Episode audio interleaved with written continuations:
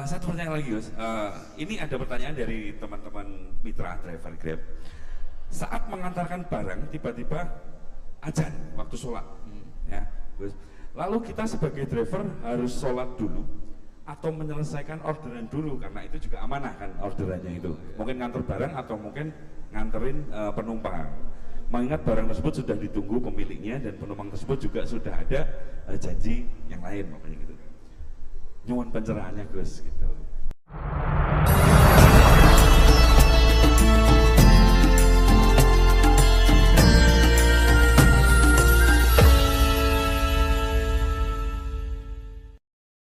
Uh, begini ya, ini kan fikih sosial ya. Saya jawab, ini memang harus pakai fikih, nggak pakai rasa. Saya ulang lagi pakai fikih, nggak pakai rasa. Waktu sholat itu kan banyak ya, di antaranya maghrib dan isya, duhur dan asar, terus subuh sendiri. Ya, dan zaman belajar fikih, orang belajar tasawuf ya. Nah, kalau subuh itu tidak ada toleransinya kalau waktunya sudah tinggal 10 menit karena tidak ada jamak. Ya, tidak ada apa? Eh, jamak. Sehingga misalnya kalau kamu ngojek waktu tinggal 10 menit ya harus sholat. Tapi kalau sekedar dengar adzan Ini penanyanya kayaknya itu teman kamu, jadi fikihnya kayak kamu, nggak jelas. Azan itu kan bukan akhir waktu sholat. Azan itu bukan akhir waktu sholat, tapi awal sholat. Itu udah harus supir grab, udah harus supir gojek. Meskipun kamu makan ada azan ya teruskan saja kan udah akhir waktu sholat. Anda menerima tamu, gendong anak, atau sedang nyupir, atau sedang bercengkrama sama teman. Kalau ada azan ya nggak apa-apa, misalnya diteruskan. Kan bukan akhir waktu sholat. Yang benar-benar harus ditinggalkan itu kalau waktu sholat misalnya tinggal 7 menit atau tinggal 8 menit. Waktu yang mau tidak mau kamu harus tasarrufkan kamu peruntukkan so, so injury time ya nah, injury time. Nah, gitu aja kok gak tahu ya. Nah lalu misalnya nah tab, kalau pertanyaan tadi mestinya kelasnya itu kelas afdolia utamanya gimana? Kalau wajibnya belum ada karena kan waktunya masih panjang jadi pertanyaannya bukan wajibnya tapi sebaiknya karena ini semuanya belum mendesak kan. Andai kan kamu teruskan nganter barang kan tidak ada jaminan waktunya ha, habis. Padahal kalau kamu memaksa sholat mungkin citra kamu sebagai supir grab tidak baik karena dianggap mengabaikan konsumen. Nah, terus kedua menyangkut jarak. Oke seperti itu. Nah sekarang kalau pertanyaannya dibalik, Makanya yang dibalik ini agak ribet. Waktu sholat tinggal 8 menit. Ada konsumen yang minta diantarkan saat itu dan acaranya ke mall happy-happy. Maka fatwa kita sebagai ahli fikih ya tantang saja saya mau sholat dulu. Kalau nggak sabar ya silakan cari yang lain. Kalau acaranya ke mall. Tapi kalau acaranya kelahiran atau transfusi darah atau mau nganterin darah ke pasien yang sudah koma, maka kita langsung karena ibadah sosial itu didahulukan mengalahkan ibadah yang haknya Allah. Karena Allah itu zat yang tidak butuh ibadah kalian. Tapi kalau pasien ini kalau nggak nang kesampaian darahnya mati misalnya. Jadi ke mana Allah lebih apian lah gitu gitu. Makanya masyur kalau dalam uh, dalam fikih hak Allah sama hak Adam ini dimenangkan hak Adami tapi bukan karena Allah kita kalahkan. Allah tidak butuh itu semua gitu. jadi dikalahkan tapi bukan karena kalah justru karena ada butuh. Ya ibarat gini lah Allah itu saking baiknya. Baiknya Allah kan pasti di atas orang tua kita. Itu pasti ulang lagi. Baiknya Allah pasti di atas orang tua kita. Orang tua kita saja baik apalagi Allah. Misalnya orang tua kamu butuh uang 5 ribu adik kamu butuh uang 5 ribu. Adik kamu yang kecil atau ya kira-kira orang tua kamu tuh nyuruh dikasihkan beliau ke adik kamu? Kira-kira. Ke adik kamu. Nah Allah itu saking baiknya. Hal yang terkait Allah misalnya tadi sholat tepat waktu sama ibadah sosial itu disuruh ibadah sosial. Karena ini kalau nggak kesampaian transfusi darahnya atau apa atau kamu dokter yang harus mengurus operasi waktunya tinggal lima menit kamu harus ngoperasi pasien dulu. Karena Allah bisa menerima sholat kamu. Nah, tak terangkan lagi ini fakir terus. Lalu sholat yang apa?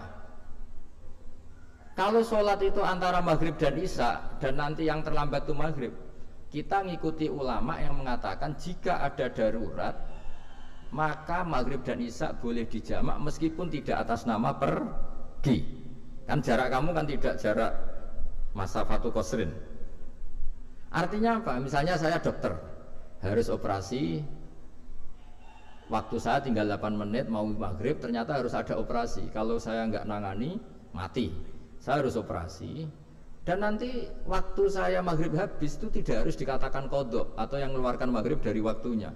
Bisa saja menurut ulama dianggap boleh dijamak takhir dengan isya. Karena kondisinya masih waktu jamin. Begitu juga duhur dengan asar. Tapi kalau waktunya itu asar, tinggal 8 menit, kemudian harus ada operasi. Ya kita operasi, waktu asar kita mundur sampai maghrib namanya kodok yang dimaafkan Allah. Ya namanya tetap kodok karena asar gak bisa dijamak dengan maghrib. Jadi ini ini fikih ya. Jadi jawabnya harus jelimet. Jadi saya ulang lagi ya. Tadi kan pertanyaannya dengar adzan. Kalau adzan kan waktunya masih panjang apalagi misalnya maghrib kan waktunya kan taruh saja ada waktu seperempat jam ternyata andekan kamu antar hanya butuh waktu tujuh menit kan nggak ngefek sama yeah. sama sekali nah, nyanda ya gitu. Yeah. terus kalau driver umpamanya dapat order ini yang tanya kamu malah mewakili dalam kalau ada driver dapat orderan food yeah. nganterin makanan tapi makanannya non halal ini kok pun pripun nah, makanya itu tadi ya, gitu. kamu tahu betul kalau itu non halal loh kalau itu sudah tahu pasti non halal nah, iya, daging tyrannosaurus nonton mungkin Ya makanya tadi itu itu memang PR kita di semua profesi. Saya ulang lagi itu PR kita di semua apa? profesi. Jadi ya itu makanya pentingnya istighfar itu di situ tuh sudah sudah kita sebagai ulama menghalalkan tidak mungkin, mengharamkan kamu juga demo ini pekerjaan Gus. Tapi yang jelas itu tidak bisa dihindari. Ya sama lah seperti orang di bus itu. Kadang-kadang kan didoain semoga semua penumpang hasil ke tempat masing-masing dan ya, kalau ada copet berarti kan doain copet juga hasil tujuannya. Jadi di semua profesi itu resikonya makanya tadi saya bicara tentang fikih. Kaidah umumnya menolong maksiat itu ya bagian dari maksiat menolong taat itu bagian dari taat. Mau tidak mau harus ada hukumnya. Setidaknya barokahnya tahu hukum kalau kita salah belum istighfar gitu. Sudah salah nggak merasa salah itu jadi barokahnya tahu hukum itu paling enggak kan kita ya istighfar lah. Kan ya tadi seperti paket misalnya. Kan ada saja orang paket yang jelas-jelas barangnya itu haram. Tapi atas nama profesionalitas kan mungkin tetap dikirimkan. Tapi barokahnya ngerti hukum dia istighfar. Nah, tapi karena kalau kita menyarankan sudah ada usah pekerjaan yang lain banyak nanti kan rai-rai potongan tawakal tidak ada ngono kan ya repot tuh Nah kalau kita kiai guys, gak apa-apa, terus pangeran suge. Sampai harusnya terus nuntut, Gus saya karena fatwa jenengan saya sekarang miskin, gimana pertanggung jawabannya? Ya ribet kan? Tapi saya ulang lagi itu seninya ngelola kehidupan semuanya seperti itu. Jadi makanya kita nggak pernah berhenti berdoa, Robbana zolamna anfusana. Karena dalam sisi semua hidup kita pasti ada unsur nggak benernya gitu. Ya saya ulang lagi, pokoknya kaidah umumnya itu menolong toat itu ya ikut bagian dari toat menolong maksiat ya bagian dari maksiat. Tapi ya tadi ya kita harus istighfar. Kan cuma tadi yang yang jelas-jelas maksiat dan kita tidak tajasus saya ulang lagi tidak. Tajasus itu neliti wong nanti jelimet jadi misalnya ada perempuan mau ngojek ke sini ya terus saja. Jangan tanya detail. Itu apanya mbak? Hubungannya dengan kamu apanya mau ya ribet kan? Jadi kepo. Jadi kepo. Ya tidak perlu gitu. Hanya sudah umumnya orang saja sudah. Nah, lama-lama juga gitu. Kalau ada bapak-bapak main itu ke siapa pak? Tahu, tujuannya laki apa perempuan pak? Sudah nikah mana pak? Sudah nikah mana? Saya sudah nikah gitu